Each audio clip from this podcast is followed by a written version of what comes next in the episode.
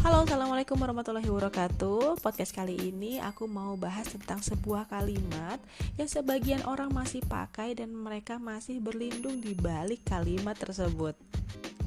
Teman-teman pernah dengar kayak gini nggak?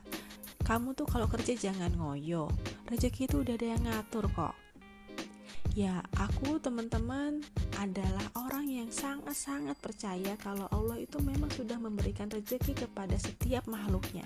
Tapi nggak lantas untuk kita hanya berdiam diri, bermalas-malasan, tidur sepanjang hari, bekerja dengan minimnya. Aku yakin teman-teman dengan usaha yang seperti ini apa yang kita pengen. Misalnya pengen punya penghasilan tambahan pengen punya penghasilan dari rumah itu tidak akan tiba-tiba datang dengan cara yang kayak gitu. Mumpung badan kita masih kuat ya teman-teman. Mumpung badan kita masih bisa berdiri sendiri masih bisa untuk diajak berpikir ya.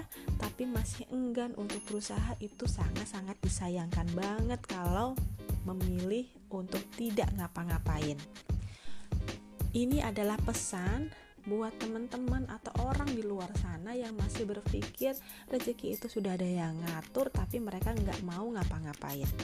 Yang pertama, ada masanya di mana kita ini nggak bisa mampu berdiri sendiri lagi. Pada saat seperti itu, jangan sampai kita merepotkan orang lain, terutama masalah finansial. Ya, oleh karena itu, Mulai dari sekarang, bekerja keras tidak ada yang namanya kata terlambat. Yang kedua, jangan heran di luar sana mungkin seusia kita, seusia teman-teman ada yang sudah lebih sukses dan kita sudah menonton mereka. Mereka mungkin usahanya yang pertama nyata, yang kedua mungkin lebih besar daripada apa yang sekarang kita kerjakan. Yang ketiga, kalau ada orang yang masih menilai rezeki itu sudah ada yang ngatur dan gak mau usaha. Ya rezekinya hanya segitu-gitu aja teman-teman.